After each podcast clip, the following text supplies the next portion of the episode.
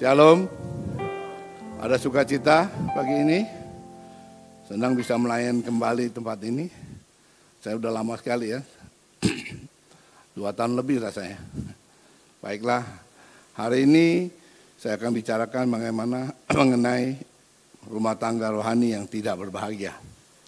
Mungkin saudara bertanya dan menatap bagaimana mungkin seorang rumah tangga yang rohani tetapi tidak berbahagia. Lepas saudara setuju atau tidak setuju dengan pernyataan ini, secara jujur harus diakui bersama, ada rumah tangga suami istri pergi ke gereja bersama-sama, seperti hari ini semua suami istri bersama-sama. Ada rumah tangga setiap pagi lagu rohani diputar. Ada juga rumah tangga yang setiap kali menjelang Natal, pohon Natal dipasang. Ya, ada rumah tangga kalau ada apa-apa ulang tahun kebaktian diadakan di rumah tangga itu. Tetapi jika pendeta itu pulang, maka hilanglah kerohanian itu yang terjadi adalah perkelahian yang terjadi di sana. Ini yang disebut rumah tangga rohani yang sehingga menjelang Natal, pohon Natal dipasang, ulang tahun pendeta berkhotbah, kalau ada masalah apa-apa, doa yang dipanjatkan dan hari Minggu tiba sama-sama ke gereja, tetapi yang terjadi pertengkaran yang terus-menerus terjadi dalam rumah tangga ini.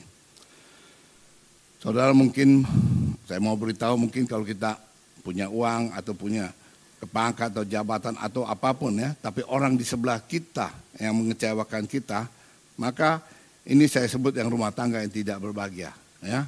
Apa pun keadaan saudara, keadaan saudara ya, mau hebat apa pun saudara ya, maka yang terjadi adalah umur pendek. Ya. Karena apa akibatnya kalau berantem tiap hari pasti sakit jantung, ya, darah tinggi, stres dan segalanya. Ya. Alkitab berkata rumah tangga yang berbahagia adalah rumah tangga yang membawa panjang umur. Ya. Jadi saudaraku yang dikasih Tuhan persoalannya banyak rumah tangga rohani yang tidak berbahagia. Ya.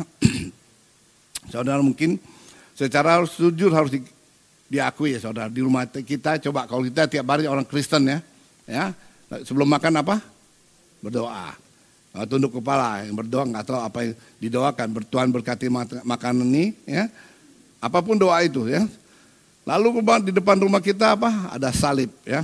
Sebelum masuk dalam rumah, ah, ada Tuhan Tuhan berkati rumah ini. Masuk mobil, di belakang mobil ada tulisan, ya, percaya atau tidak percaya, Yesus akan datang kembali. I love Jesus. Ya, tetapi saudaraku yang terjadi, apa yang terjadi di rumah itu? Kalau, kalau ada apa-apa yang terjadi apa? Piring terbang. Ya, mungkin ya nggak tiap minggu, seminggu paling dua kali. Ya, saudaraku. Mungkin saya mau memberi contoh dengan di Alkitab cerita mengenai Ribka dan Isa, ya, mengenai rumah tangga ini. Ya, saya ingin nanti kita baca bersama-sama, karena udah khotbahnya udah dua tahun lebih, maka hari ini akan dua jam juga ya.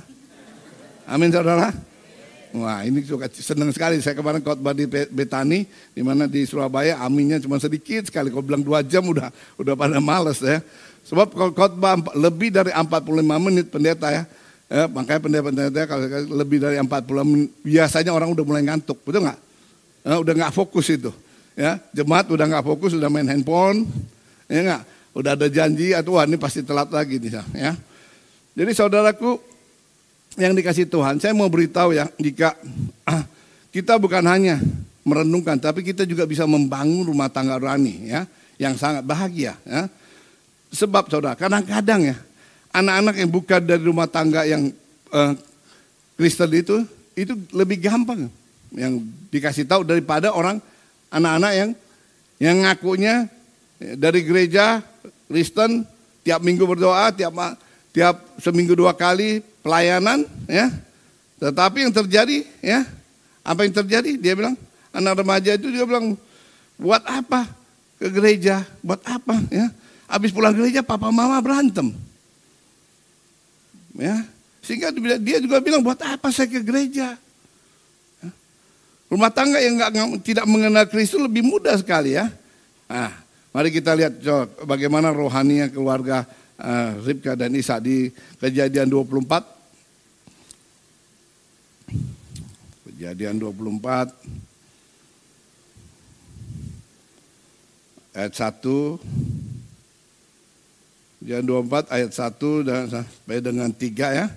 Saya baca, saya ingin kalau biasanya biasakan kalau saya baca firman itu saya juga ingin semua saling baca juga jadi kita mengingat bahwa kita pernah berbaca ya. Kejadian 24 ayat 1 dan 3 saya baca yang ganjil, saudara baca yang genap ya. Ribka dipinang bagi Isa. Adapun Abraham telah tua dan lanjut umurnya serta diberkati Tuhan dalam segala hal.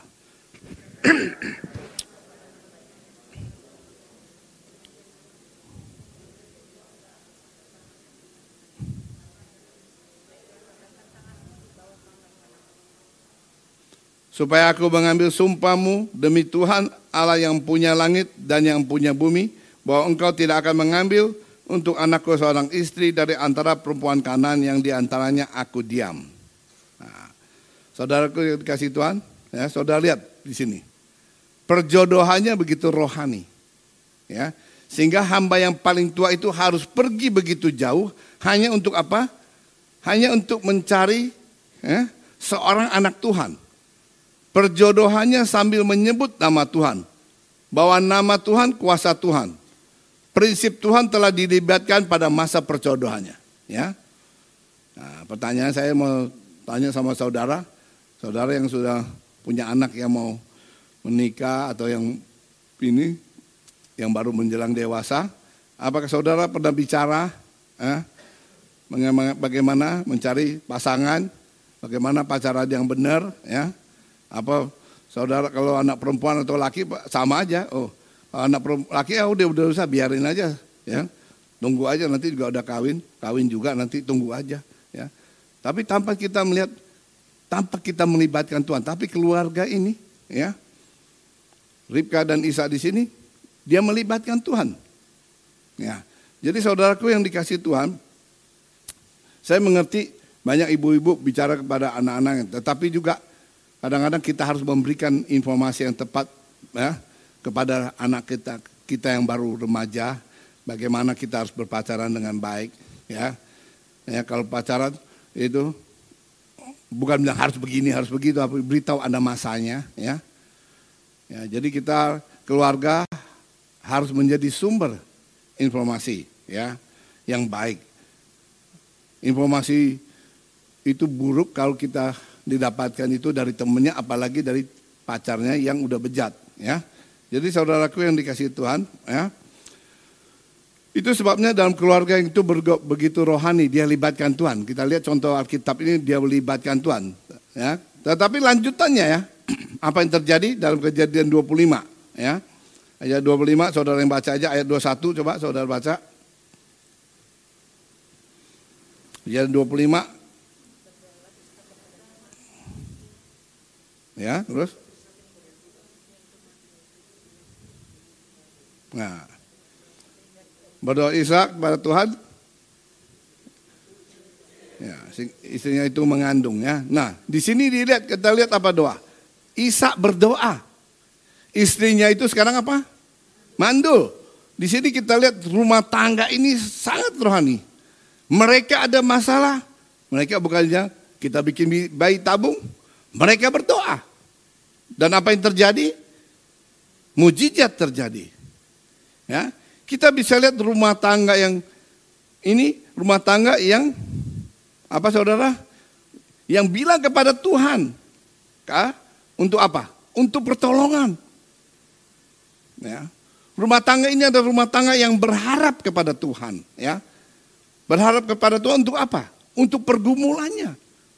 Dan di sini kita lihat apa? Tuhan men menjawabnya. Sehingga yang terjadi di sini adalah apa? Ribka mengandung dan melahirkan anak. Berarti saudara, untuk bagian yang pertama ini tidak perlu lagi diragukan ya. Mereka ini adalah rumah tangga yang rohani. Ya. Yang satu udah lihat ya tadi kan? Ya. Perjodohannya libatan Tuhan, ada masalah libatan Tuhan. Nah, sekarang tentu pertanyaannya adalah bagaimana kita sebut rumah tangga ya rohani yang tidak berbahagia. Nah, kita lihat sini saudara ya. Kalau saya pelajari dalam Alkitab ya, saudara akan jumpai dalam rumah tangga ini rumah tangga yang rohani tidak berbahagia ya. Rumah tangga ini adalah rumah, rumah tangga rohani yang tidak bahagia. Kenapa? yang terjadi yang terjadi lanjutan sini sesama anak mau apa? Saling mau membunuh ya. Saudara ingat cerita tentang Yakub dan Esau? Ya. Esau menjadi begitu marah dan ingin membunuh anaknya, Yakub ya. Nah, banyak rumah tangga yang rohani yang begitu ya. Kadang-kadang karena urusan warisan, anak dan sesama anak tidak mau bicara ya. Musuhan, berantem, ribut sesama gara-gara warisan ya. Hmm? Ada sesuatu masalah nggak mau ngomong tiga bulan. Ya, ada yang kadang juga bertahun-tahun tidak mau bicara, ya. Nah, ini yang saya masuk rumah tangga rohani yang tidak berbahagia. Nanti saya jelaskan lagi. Nah, kadang-kadang saudara berpikir, oh saya udah libatkan Tuhan. Nah, Tuhan akan atur buat saya. Jawabannya is no. Ya, waktu kita libatkan Tuhan, ada hal-hal yang Tuhan kerjakan, tetapi ada juga menjadi tanggung jawab kita, saudara. Ya, dan yang tanggung jawab yang perlu kita kerjakan ya. Kita nggak bisa bilang ah, rumah tangga kita udah roh, apa rohani, ya kemudian tidak berbahagia. Kenapa? Ya, rumah tangga rohani, tetapi yang saya lakukan saya harus bertindak, ya, sehingga saya bisa lihat dalam keluarga, ya, dalam keluarga kita apa yang kita lakukan, ya, bukan rohani tapi nggak bahagia tapi kita harus lihat kenapa apa yang kita lakukan ya kalau kita lihat di sini dalam cerita Alkitab sini ya rumah tangga ini bukan anak mau saling bunuh tetapi juga ada yang tahu juga cerita sini orang tua ngapain ya pada baca Alkitab nggak sih anak-anak buaya Pak Erastus nih ya? Ya? Jangan mentang-mentang gembalanya difitnah macam-macam terus udah pada malas baca Alkitab. Udah mulai percaya goyang dikit. Eh? Goyang nggak sini jemaat? Amin. Kalau goyang mendingan saya keluar juga dari sini. Berarti gak punya iman yang benar ya. Sehingga kita bisa lihat apa yang terjadi. Orang tua ngapain di sini? Saling nipu ya. Ribka nipu Isa, Isa nipu Ribka. Sehingga apa yang terjadi? Orang tua saling menipu. Ya. Sehingga apa yang terjadi? Orang tua saling menipu, orang tua menjadi apa? Suhu.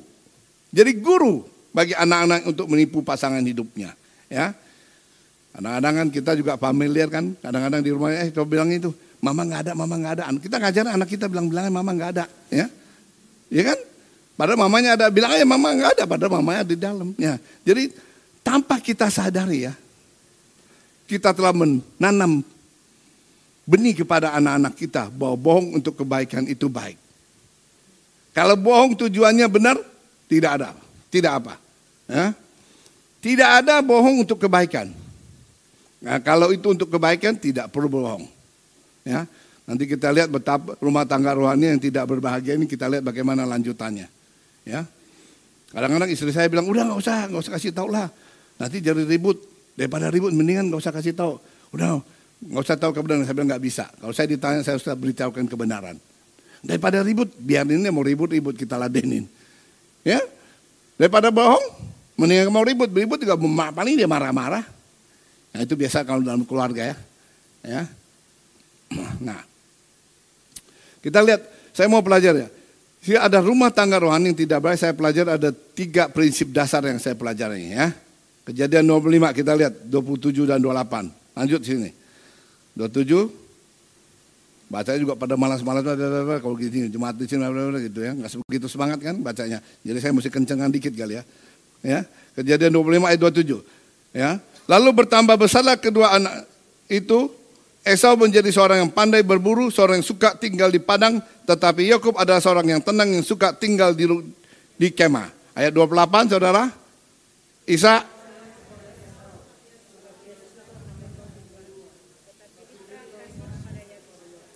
Nah, saya ingin ya kadang-kadang saya ngomong kebiasaan ngomong selalu kecepatan. Saya ingin pelan-pelan supaya saudara bapak-bapak dan ibu-ibu itu mengerti ya. Kenapa rumah tangga tidak rohani tidak bahagia? Karena ada apa? Karena apa? Kenapa? Ada standar dunia dalam menentukan suatu keputusan.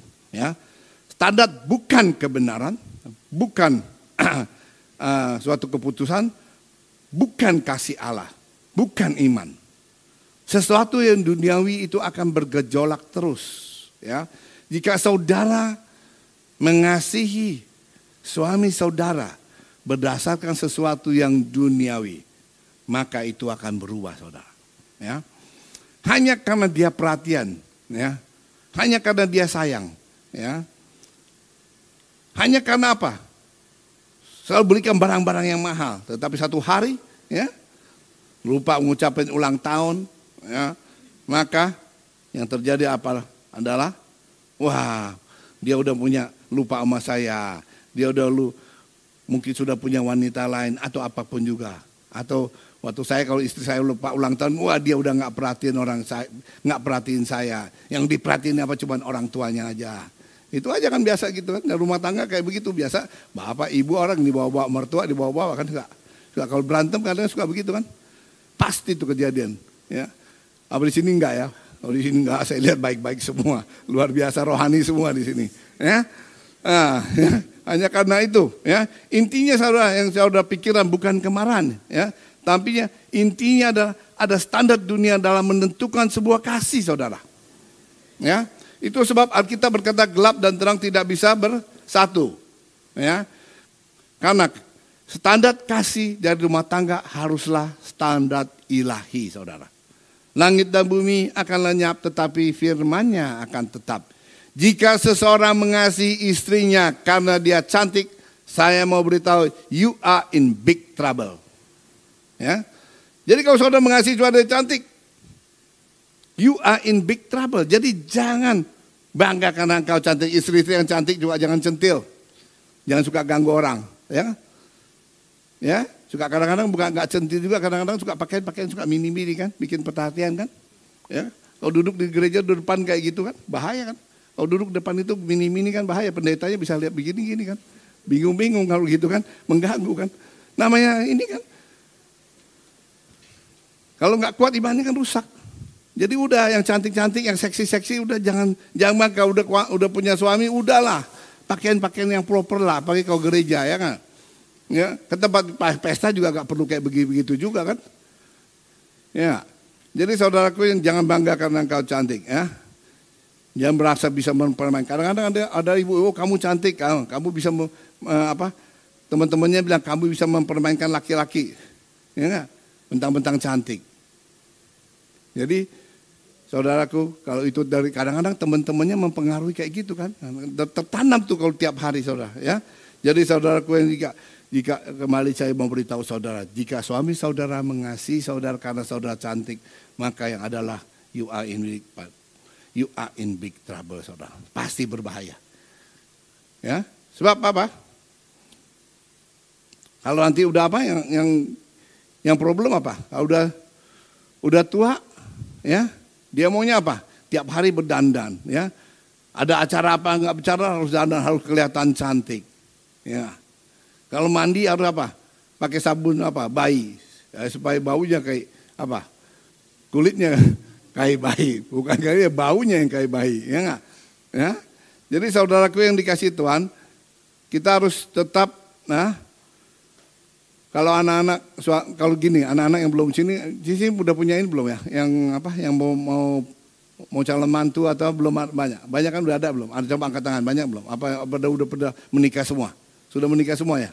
Wah sini udah nenek-nenek semua kalau gitu. Bahaya dong, nggak ada lagi yang punya ini. Wah percuma dong kalau gitu. Ya, kita ngomong ceritain anak percuma udah nenek-nenek kita ajarin lagi. Ampun, ya sudah. Waduh, tapi biar gimana nenek tetap cantik, ya enggak? Amin saudara? Amin ya. Jadi saudaraku yang dikasih Tuhan, saya mungkin saya mau kasih tahu lagi saudara ya, ya. Ada orang tua yang menghancurkan anak-anaknya dengan apa? Masa depan anaknya hanya karena apa? Pilih kasih. Karena apa? Dia sayang kepada anak karena dia lebih nurut. Saudara mengasihi anak saudara bukan karena dia lebih nurut, ya. Saudara mengasihi anak saudara, ya, karena apa? Karena dia itu anak saudara. Kalau pembantu aja atau disuruh disuruh apa pun ya pasti nurut. Karena apa? Karena saudara, saudara gaji, ya. Tetapi saudara, saudara cinta anak saudara, saya kepada anak saudara, ya. Karena apa? Karena dia anak saudara. Udah that's it, nggak ada pilihan lain, nggak ada nggak ada pilihan karena lebih sayang kepada anak sayang kepada anak kita karena dia anak anak kita, ya, ya. Saudara sayang kepada anak saudara bukan karena dia lebih gagah dari anak tetangga. Saudara mencintai anak saudara bukan karena dia lebih cantik daripada anak tetangga, tetapi saudara mencintai anak saudara karena dia adalah anak saudara. Apa pun ada. Tatap dia walaupun dia ini udah sorry saya pikir saya lupa di sini jemaatnya udah nenek-nenek semua. Jadi firmannya untuk sebetulnya untuk yang baru, baru waktu juga mau persiapkan kawin atau yang udah yang kawinnya rumah tangganya berantem terus ya. Ya kalau di sini udah nenek-nenek mau berantem udah nggak ada tenaga, udah capek ya, ya kan, udah. Tapi tetap biar udah tua-tua juga tetap kita mau bahagia kan, enggak? Kayak sekarang saya udah kakek, saya juga udah kakek sih, udah punya cucu delapan, ya. Tetap aja harus berbahagia dengan istri. Kalau nggak berantem, nggak nggak berbahagia dengan istri berantem terus sama stres juga kita, ya nggak? Bisa nggak khotbah pagi ini kalau berantem lagi kan? Nggak dikasih berangkat dari rumah ditarik tuh nggak boleh keluar dari rumah ya kan? Jadi saudaraku yang dikasih Tuhan ya, kadang-kadang kalau kita bicara pilih kasih kepada anak-anak itu yang merusak kita yang merusak anak-anak kita. Ya, kita harus kadang-kadang memang dalam rumah oh kamu pasti lebih sayang di rumah kita oh kamu pasti lebih sayang ini anak kesayang kamu anak kesayang istri ngomong kayak gitu yang berbahaya anak-anak yang lain akan dengar oh iya benar juga kali ya jadi saudaraku ya Kejadian dalam rumah tangga ini yang terjadi adalah standar dunia dalam pilih kasih seperti Ribka yang terjadi. Ini saya cari contoh di Alkitab, contoh dalam kehidupan sehari ya. Ribka lebih sayang kepada Yakub. Ya. Ada orang ibu yang sayang kepada anaknya, bilang karena anaknya anaknya lebih pintar, ya, suka masak. Ya. Ada juga yang bangga kalau anaknya jadi tomboy. Ya. Ada orang, ada juga orang tua bangga kalau anaknya bisa betulin genteng, bisa betulin segala macam rumah. Ya, kembalikan porsi masing-masing biar anak perempuan jadi anak perempuan, ya laki jadi anak laki ya. Ya, karena kalau saya mau tanya, kenapa homo atau lesbian itu bisa terjadi? Itu kenapa? Pendidikan dari orang tua. Orang nggak ada gen untuk jadi homo atau lesbi, ya. Tapi kalau kalau ibunya tiap hari bilangnya, eh kamu hati-hati sama laki-laki, tiap laki-laki itu harus hati laki jangan seperti papamu, papamu kelihatannya tuh baik. Tapi sekarang gini, lihat tiap kali ditanamkan laki-laki begini, akhirnya wanita juga cewek ini takut juga sama laki-laki, dianggap semua laki-laki itu jahat. Ya. Jadi kita harus didik anak kita dengan kasih dengan firman Tuhan. Jadi kita nggak pernah salah ya. Jadi Saudara, apa yang terjadi saudara lihat ya? Apa yang terjadi? Standar yang perlu adalah dalam rumah tangga itu adalah kebanggaan dalam rumah tangga itu. Bukan karena anak kita begini, bukan karena anak. Jadi dalam rumah tangga itu harus ada kebanggaan terhadap anak, terhadap suami, terhadap istri ya. Bukan tentang anak yang baru pertama wah rajin rapotnya bagus ya, wah ini baru anak mama pinter rajin. Biasa kayak gitu ya. Tapi anak kedua sebetulnya rapotnya juga bagus, merah, ada merah, ada hitam gitu kan. Warna-warni lah gitu ya. Ya, lalu bilang dasar kamu bodoh, kamu itu seperti papa kamu ya, keturunannya begitu semua. Ya kadang-kadang orang waktu-waktu saya zaman-zaman kayak kecil kan sering dengar orang tua, tetangga, saudara, tante semua kalau sama anak marahnya minta ampun ngomong kayak anak kayak gini ya. Ya. Jangan anak pertama waduh paling cantik, pinter, rajin ya ya, lulusannya dari Amerika, ya. Kemudian anak kedua, wah dia bangga sekali. Wah anak anak kedua ya, ya lumayan. Ya cuma hidungnya nggak mancung gitu pesek istilah kasarnya gitu ya. Udah suruh dia jaga toko aja katanya. Ya. Orang tua kayak milih-milih kasih gitu. Anak ketiga ya, udah nggak cantik tapi kuat. Suruh jadi apa? Atlet. Yang lebih parah lagi. Anak keempat udah jelek, lemes, bodoh hidup lagi. Suruh apa jadi apa? Paling parah. Suruh jadi apa paling? Pendeta. itu dia paling enak itu. Udah suruh jadi pendeta aja.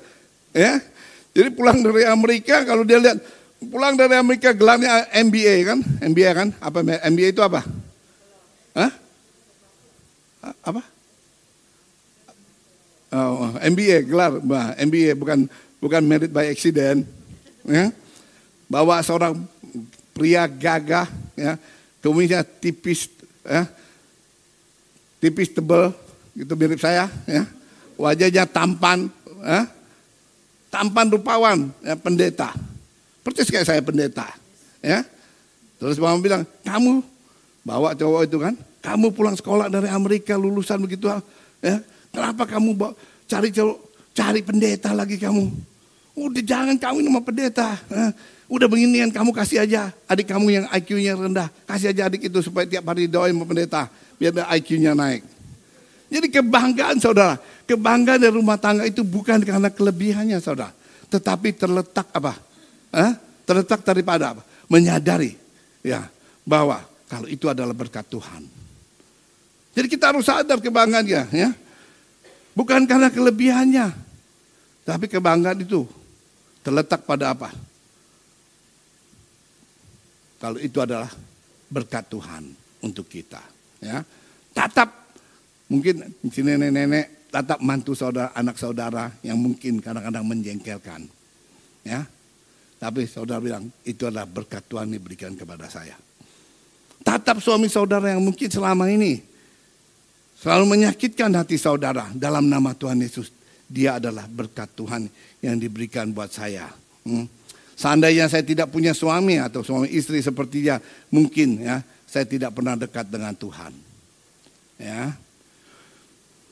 Tatap anak saudara, mantu saudara, mertua saudara yang mungkin selama ini terlalu cerewet, terlalu menyakitkan, ya. Biang kerok, suka biang kerok dalam rumah tangga kita, tatap dan bilang itu adalah berkat uh, Tuhan yang diberikan di samping saya. Ya. Supaya apa? supaya saya sabar, ya.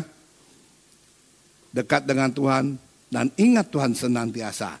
Dengan cara ini kalau saudara bisa bilang ini adalah berkat Tuhan, maka saudara ya tidak mudah menolak keadaan. Ya. Tetapi saudara akan menerima keadaan itu ya dan berkata Tuhan sedang mengajarkan yang terbaik buat hidup saya. Itu yang paling penting, ya.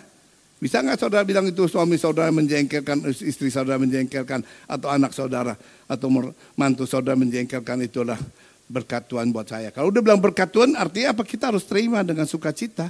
Apa pun kekurangannya dan kelebihannya. Ya. Suami saudara mungkin mempunyai kekurangan. Kalau dia nggak punya kekurangan, buat apa ada saudara di sampingnya? Ya. Kalau suami saudara bilang, oh suami saya nggak pernah ngomong apa-apa karena dia bisa udah bisa segalanya, nggak perlu saya. Ya, bersyukurlah kalau suami saudara punya kekurangan. Artinya dia masih butuh saudara. Ya? Sebab dengan kekurangannya ada sesuatu yang saudara bisa berikan kepada dia. Ya? Sebab kalau dia udah sempurna dia udah nggak butuh saudara. Seperti Tuhan Yesus sempurna dia nggak butuh orang lain. Nah, karena udah sempurna, orang sempurna udah nggak biasa nggak butuh. Ya, dalam rumah tangga mungkin sudah rohani tapi tidak berbahagia, ya. Kembali kita koreksi. Apa dasar keputusannya? Apa dasar keputusan kasih kita terhadap suami kita? Apa dasar keputusan kita marah? Ya. Apa dasar keputusan kasih kita atau sayang kita kepada anak-anak kita? Ya? Yang paling penting lagi kadang-kadang juga jadi ribut itu apa dasar pengeluaran keuangan kita. Semena-mena apa enggak? Ya. Ini kadang-kadang banyak standar dunia yang menyebabkan langkah hidup kita rohani ini tidak bahagia. Ya. Jadi kita mau kalau kita mau bahagia kita lihat apa dasar keputusan kita benar apa enggak. Kadang-kadang kan kita nyepen uang juga karuan beli kadang-kadang yang enggak perlu ya. Suami kerja keras dengan kalau suaminya duitnya berlimpah sih masih enggak apa-apa, enggak ribut suaminya, ya kan? Kalau suaminya juga duitnya cuma pas-pasan, hanya untuk ada program untuk ini program ini istrinya lakukan semena-mena spendingnya nggak pengen beli tas yang bermerek berkah mahal-mahal ya nggak ya mending beli harga yang normal overprice lagi kalau mau beli Hermes lima ribu lima ribu apa euro di, di, di, di Eropa di, di Indonesia dijualnya apa double double kan nah, suami istri istri pengen juga double juga dibeli kan karena apa pengen show kan bangga punya tas mahal kan ya kan kadang kita lihat sini banyak tas mahal kan? Ya, harganya overpriced semua kan? Karena susah didapatkan. Tapi kita kadang-kadang beli juga. Kadang-kadang kita lihat dibodohin ya dunia ini. Ya, tas gitu mahal dibeli overpriced juga jam tangan mahal juga overpriced dibeli juga. Kenapa? Nah ini standar keputusan yang nggak benar, nggak nggak mampu kita paksakan untuk beli saudara. Ya, jadi saudaraku yang dikasih doang, ya Kadang-kadang banyak standar dunia yang menyebabkan langkah hidup kita yang rohani tidak menyebabkan tidak berbahagia. Kemudian kita lanjutkan lagi ya. Kejadian 26 ayat 7 dan 8. Hmm. Ya, saya bacakan, ketika orang-orang di tempat itu bertanya tentang istrinya, berkatalah ia, dia saudaraku, sebab ia takut mengatakan ia istriku, karena pikirnya jangan-jangan aku dibunuh oleh penduduk tempat ini karena Ribkah sebab elok parasnya. 8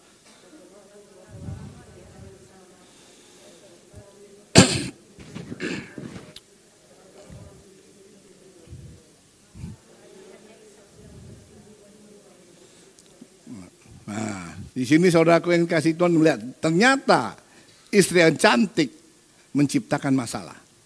Ya kan? Lebih menarik lagi ditanya, siapa dia? Oh, dia itu saudaraku. Berarti hal kedua yang kita pelajari, kenapa rumah tangga tidak rohani tidak berbahagia? Karena apa?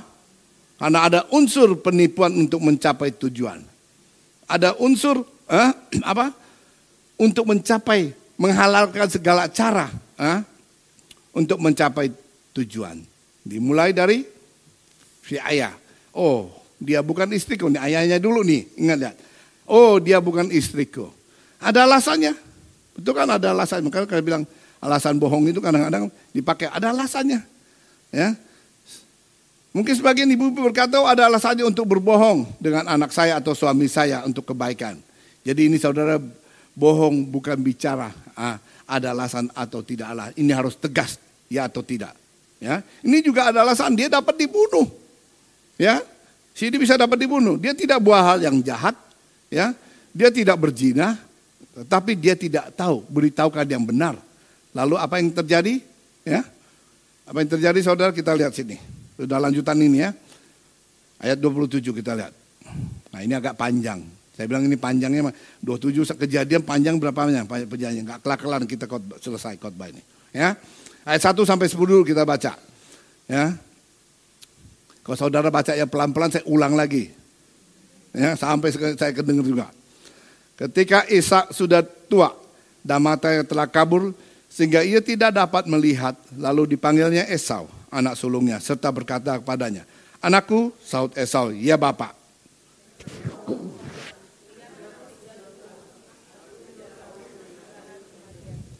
Maka sekarang ambillah senjatamu, tabung panah dan busumu, pergilah ke padang dan berulah bagiku seekor binatang.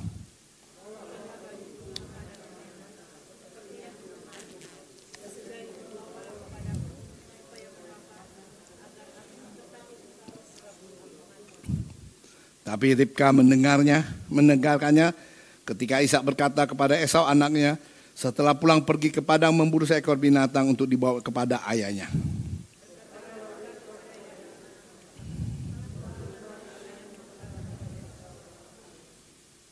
Bawa bagiku seekor binatang buruan dan olah olahlah bagiku makan yang enak supaya aku makan dan supaya aku memberkati engkau di hadapan Tuhan sebelum aku mati.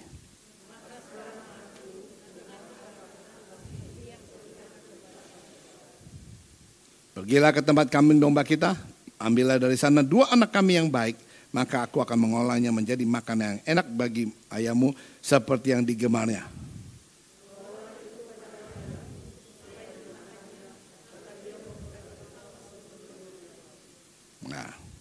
Saudaraku yang dikasih Tuhan, ya, saudara lihat apa akibatnya? Ya, bukan hanya yang bernama Ishak yang menipu, tetapi penipuan yang berakar dalam rumah tangga si Ribka, mulai apa? Mulai menipu, ya. Alkitab berkata, jangan beri kesempatan pada iblis. Pada saat dia diberi kesempatan, dia akan masuk dan sebanyak mungkin akan mempengaruhi rumah tangga itu. Isa buka pintu. Isa dulu yang buka pintu. Dan roh itu mulai masuk dalam dirinya. Kemudian menjalar kepada siapa? Menjalar kepada siapa saudara? Ribka. Sehingga Ribka nggak takut lagi. Ribka mulai merancang dengan rapi. Sehingga bukan dusta sederhana. Tapi rancangannya kita lihat ayat ke-13 ini. Apa saudara baca coba 13.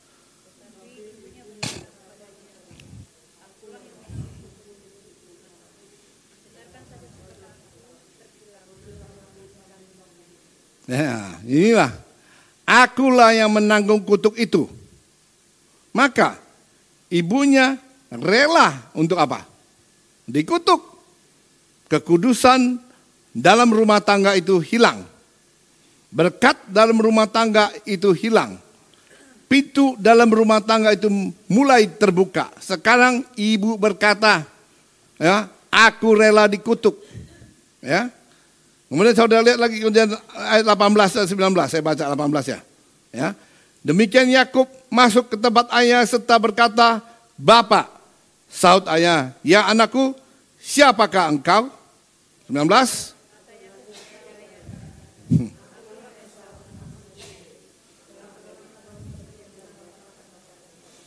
Hmm. Nah. Apa yang terjadi saudara? Sekarang hilanglah kewibawaan dalam rumah tangga itu. Ya, Anak udah berani nipu orang tuanya. Anak udah nipu orang tuanya. Ya, Karena apa? Kenapa saudara? Nah, lihat dia lihat contoh. Ibunya boleh, kenapa dia bapaknya boleh, kenapa dia enggak? Iya kan? Nah, Alkitab berkata saudaraku yang dikasih Tuhan, anak-anak itu seperti tabung panah di taman pahlawan. Berarti anak-anak dapat kita arahkan. Mau ke mana? Dia sebagai pahlawan yang mengarahkan panahnya. Jika panah itu dibuang ke langit, maka sia-sialah panah itu. Jika panah itu dibuang ke tempat yang kita arahkan, maka panah itu akan menuju suatu tempat yang kita arahkan. Tetapi jika panah itu dibuat buat suatu pertandingan yang menghasilkan piala, maka panah itu akan mendapat medali. Jika engkau didik anakmu dengan baik, jika engkau arahkan anakmu itu dengan baik, jika engkau beri contoh yang baik kepada anak-anak, Alkitab berkata apa? Engkau akan beruntung dan menjadi baik. Ya, tetapi jika engkau sudah tidak mempedulikan anak-anak mau lagi yang sambil berkata, iya saya udah berdoa, buat apa lagi saya gak perlu banyak bicara lagi tentang dia, karena udah saya serahkan semuanya pada dia. Nah, saya udah nggak ngerti lagi apa yang harus terjadi. Jangan sampai memiliki anak-anak yang mempermalukan orang tuanya. Jangan mempermalukan bapak-bapak dan ibunya saudaraku ya. Jangan sampai kita punya anak-anak itu. Ya. Didikan anak-anak itu dengan baik. Ceritakan prinsip-prinsip hidup yang benar.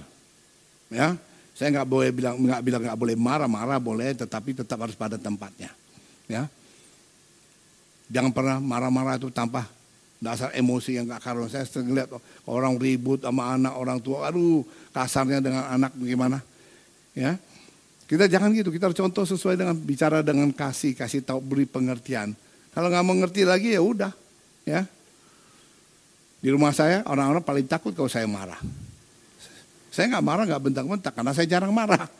Ya, kalau saya marah, saya nggak suka. Saya cuma bilang saya nggak suka dan saya tunjukkan muka saya nggak suka. Mereka udah tahu bahwa ada something wrong yang bapaknya nggak suka. Baru mereka coba, baru saya jelaskan kenapa. Akhirnya mereka ngerti. Nggak boleh, nggak boleh gini, jangan begini, akibatnya gini. Mereka akhirnya mengerti anak-anak saya semua.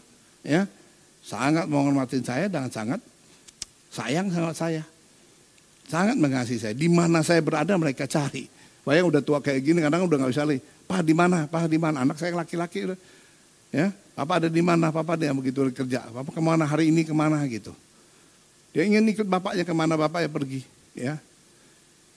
Jadi udah chance untuk yang macam-macam udah nggak mungkin. Udah pendeta, anak ikutin ke mana-mana udah enak kan. Dampingin semua. Ya. Karena anak-anak mengasihi orang tuanya. Kalau ada orang tua kalau bisa menghindar dari orang tuanya. Kan kasihan. Ya, saya contoh banyak. Dia lebih senang ikut kita daripada orang tuanya. Ya, karena apa kita bicara prinsip-prinsip kehidupan firman Tuhan yang penuh kasih contoh yang baik, jangan melakukan ini, jangan melakukan ini, ya. Jadi saudaraku yang dikasih ya, kalau kita kadang-kadang kita jangan marah karena nggak tahu, nggak suka, tersinggung, diam aja. Itu anak-anak kadang-kadang bingung.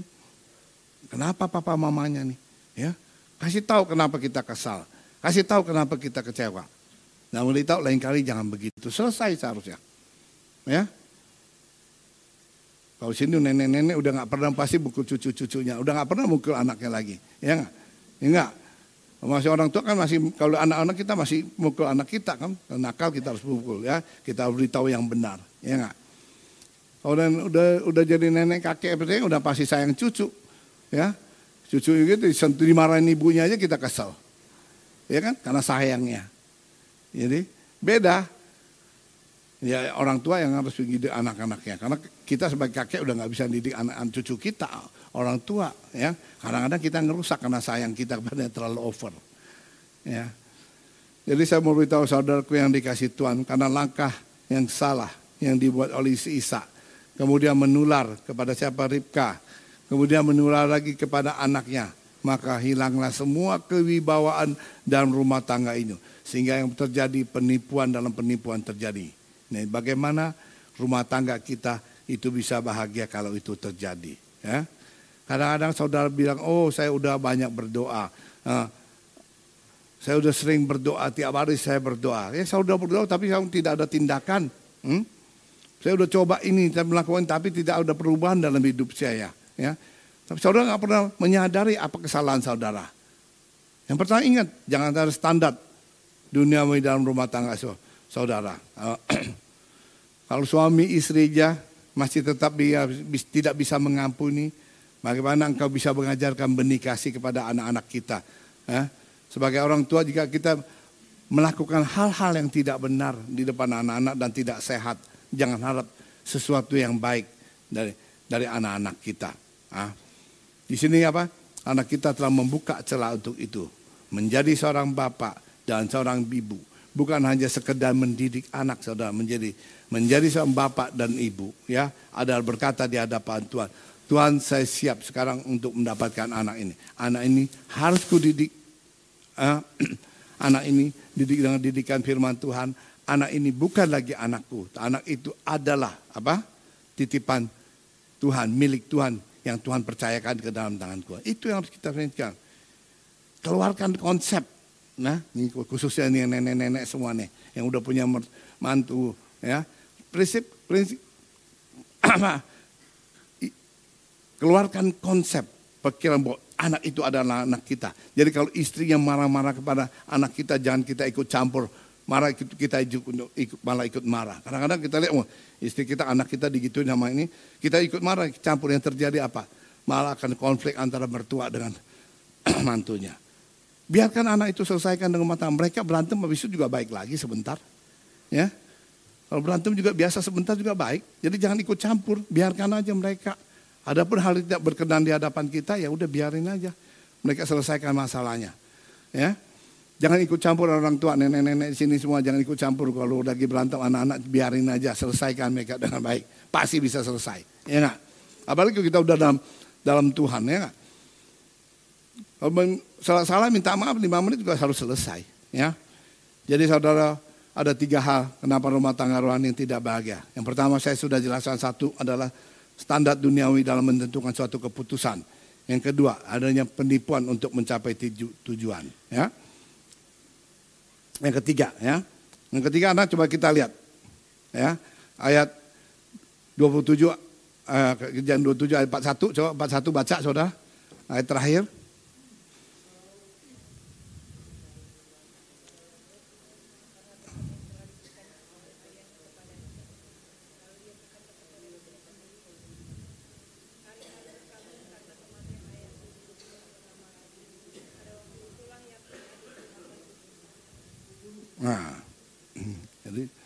Jadi saudaraku, di sini apa terjadi? Ya, masing-masing udah tahu kesalahannya, ya, tapi tidak mau mengakui kesalahannya. Kita lihat kejadian 41 ini, ibu rela, dengan rela berkata untuk dikutuk, ya, bukan mengakui. Ya, Esau. Pertanyaan saya, salah ke Esau? Halo, salah nggak Esau sebetulnya? Hah? Nggak salah? Oh salah, kira nggak salah kalau gitu. Eh? Oh nggak salah kalian nggak bisa nilai yang benar ya. Esau nggak salah, salah kan? Ya. Ingat nggak ceritanya tentang Esau dulu waktu udah pulang berburu. Kemudian dia melihat apa Yakub sedang makan apa? Hah? Sedang makan sop kaca merah. Ya. Saya nggak tahu ada kaki babinya apa nggak kok sampai rebutan gitu enak ya. Ya. Dia lagi matang kacang merah, kemudian dia bilang apa? Berikan. Hah? Aku akan berikan. Nah, dia dia boleh diberikan asal hak kesulungan diberikan. Kemudian Ekau dia udah setuju kan? Nah, tidakkah sadar bahwa kenapa Esau mesti marah-marah? Ya, kadang-kadang kita salah, ya, kadang-kadang kita marah, ya. Kita didik anak-anak kita, kita nggak berikan waktu yang baik buat anak-anak kita. Kita tidak pernah mengerjakan prinsip-prinsip firman Tuhan dalam kehidupan mereka. Karena kalau dia salah dia, lalu kita marah. Kita udah nggak ngajarkan yang benar kepada anak-anak kita, ya. Tidak sesuai dengan keajaran kehendak Tuhan. Ya. Makanya saudaraku itu sebabnya sekarang kalau kita mempunyai anak kita berdoa kepada Tuhan, ya, ya, apa yang kurang yang belum berikan kepada anak saya, karena sesuatu bisa terjadi. Dan kita berkata apa yang ditabur itu akan dituai. Ya. Sekarang yang terjadi apa? Marah. Ya. Dia nggak ngakui sekalian. Kalau kita melihat kesalahan kita, maka kita harus memperbaiki kesalahan kita. Dalam suatu konflik dalam rumah tangga atau siapa pun dibutuhkan satu orang mengakui kesalahannya. Itu kan? Satu orang mengakui kesalahannya, ya udah. Ya. Kalau si suami atau istri ribut, ya udah saya minta maaf, lain kali saya lakukan the best. Tapi waktu kita minta maaf, kita harus minta maaf yang dengan tulus. Minta maaf ya tuh kalau minta maafnya karena untuk perdamaian sesaat aja maka makan berulang lagi. Ya. Kadang-kadang kita tidak mengakui kesalahan. Ya. Kadang apa? Mikir kita yang benar, kita yang sempurna. Ya, saya yang paling baik. Ya. Suami saya yang kurang, suami saya agak kurang banget kurang rajin bekerja, ya. Tapi saudara lupa saudara, ya. Kita, hai istri tetap tunduklah pada suami. Ya, itu kadang-kadang istri-istri kadang-kadang suka begitu. Ya kan? Kadang-kadang merasa dia yang lebih hebat daripada suaminya. Sehingga suami-suami itu akhirnya jadi apa tau Seperti apa tau DKI, tahu tahu DKI. Di bawah kuasa istri. Waduh, ya. Kalau masuk ke rumah aja udah kayak kerupuk kena air itu, takut aja sama istri.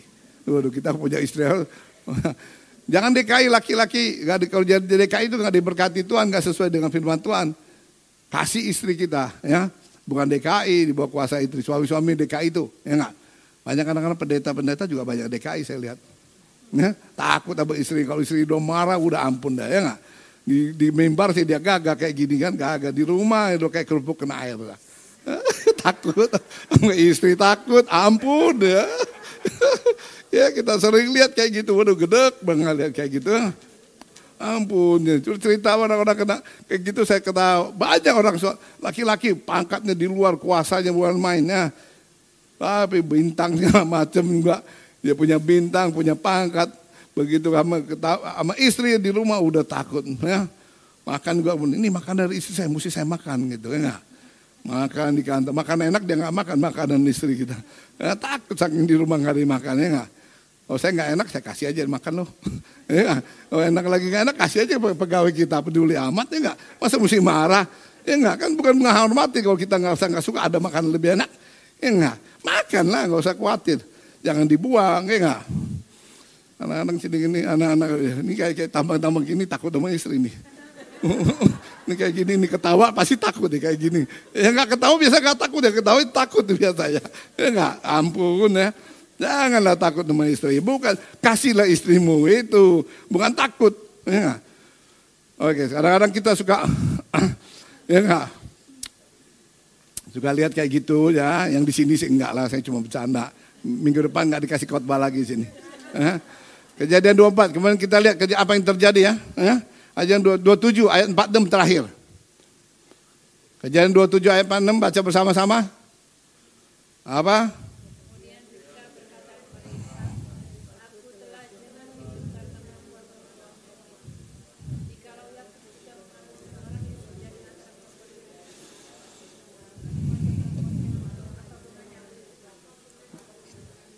Nah, di sininya kejadian Ribka yang udah jadi sumber masalah, istri-istri ini biasanya sumber masalah. Bukan menyadari eh, kesalahan ya, malah bilang aku udah bosan hidup. Ya. Ribka menjadi sumber masalah bukan menyadari kesadaran, malah dia cuma bilang bosan ya. Mungkin saudara yang terjadi dalam kehidupan saudara. Mungkin kelihatannya hari ini sangat berat saudara, sangat buruk. Tetapi saudara tidak berperang lagi. Ya, kadang-kadang saudara udah capek lah. Udah percuma suami istri saya mau diapain percuma. Terserah. Saudara ini bukan iman. Ini adalah keputusasaan. Jangan begitu udah. Ya, serahkan semua itu pada Tuhan. Ya, kalau saudara punya masalah, serahkan itu semua kepada Tuhan. Kita harus berperang, ya. Saya udah apa? Uh, kemarin liburan di Amerika, kira-kira bulan Desember, ya. Baru liburan seminggu di telepon Jakarta. Wah, saya difitnah macam-macam. Saat itu rasanya, wah habislah. Kalau udah difitnah, ya pejabatnya marah sama kita, pasti udah nggak bisa dagang lagi, sulit. Maka saya panggil anak-anak saya udah Tiarap gak apa-apa kita bersama ke Tuhan kita hadapi. Ya, saya berdoa kepada Tuhan, Tuhan, ya, saya serahkan masalah saya kepadamu, ya, segala masalah apa pun kau jama orang itu beritahu kebenaran sehingga tidak terjadi. Ya, beri hamba ketenangan, ya, hamba kekuat eh, apa secara kekhawatiran, takut ataupun cabut dalam hati pikir. Saya serahkan semua masalah ini ke dalam tanganmu. Sekarang saya mau holiday, saya mau jalan-jalan Tuhan sama anak-anak cucu saya, lengkap semua di situ kan dengan cucu 8 orang saya mau holiday. Bagaimana kalau kita lagi holiday kita pikiran gitu, nggak lucu kan? Begitu saya sudah selesai doa, saya nggak mikirin apa lagi. Saya serahkan betul-betul semua ke dalam tangan Tuhan. Hmm? Pulang sampai di sini, udah waktunya untuk kerja, ya. Udah hari waktu itu pulang mau uh, tahun baru Imlek, maka hari Kamis, ya tiap hari saya berdoa, tiap hari saya berdoa, ya, saya serahkan pada tangan Tuhan, ya apa pun yang terjadi, beri hamba hikmat, langkah apa yang harus saya lakukan, pimpin langkah-langkah saya. Ya udah nggak ada, ya. Berdoa, maka hari itu saya pikir waktunya saya telepon orangnya, saya telepon hari Kamis, gak diangkat, artinya masih marah. Saya berdoa lagi nggak apa-apa. Telepon lagi Jumat, nggak nggak diangkat juga. Artinya saya bilang masih marah orangnya. Ya sudah, ya. Kemudian hari bilang besok tahun baru Imlek kita rayakan Imlek di rumah makan-makan dengan keluarga. Udah hari Senin selesai, Pagi-pagi, tapi tiap hari saya berdoa tetap serahkan semua kepada Tuhan. Kemudian Tuhan hari ini saya mau berdoa, eh mau mau telepon, saya berdoa dulu. Saya berdoa, ya. Selesai saya berdoa, saya telepon orangnya. Habis telepon, ya nggak diangkat juga. Maka saya main-main dengan hobi saya, jam apa saya bersih-bersihin, semua duduk, telepon kembali berdering. Balik, terjadi seperti nggak ada masalah. Bicara oke okay, kapan ketemu, selesai. Seperti ada cair, kemudian saya ketemu, saya jelaskan. Begitu hebatnya saya bilang sama, sama apa? Sama anak-anak saya campur tangan. Ini kuasa Tuhan, campur tangan Tuhan. Kita nggak usah ngapa-ngapain, yang berdoa aja. Ya, ada hal-hal yang memang ada hal-hal yang harus kita lakukan, tindakan. Ya, contohnya, bukan kita berdoa tapi kita nggak lakukan, kita telepon orang itu satu tindakan. Ini suatu cinta tindakan. Kita berdoa, ya, Kemudian saat berserah melakukan minta pimpinan Tuhan apa yang harus dilakukan Tuhan. Itu begitu juga semua masalah-masalah yang ada dalam hidup kita. Nggak mungkin kalau orang yang nggak ada masalah. Ya, pasti kita punya masalah hidup. Tapi serahkan semua ke dalam tangan Tuhan. Ya, Tuhan pasti akan membela kita selama kita taat dan setia kepadanya. Amin. Terima kasih. Tuhan memberkati.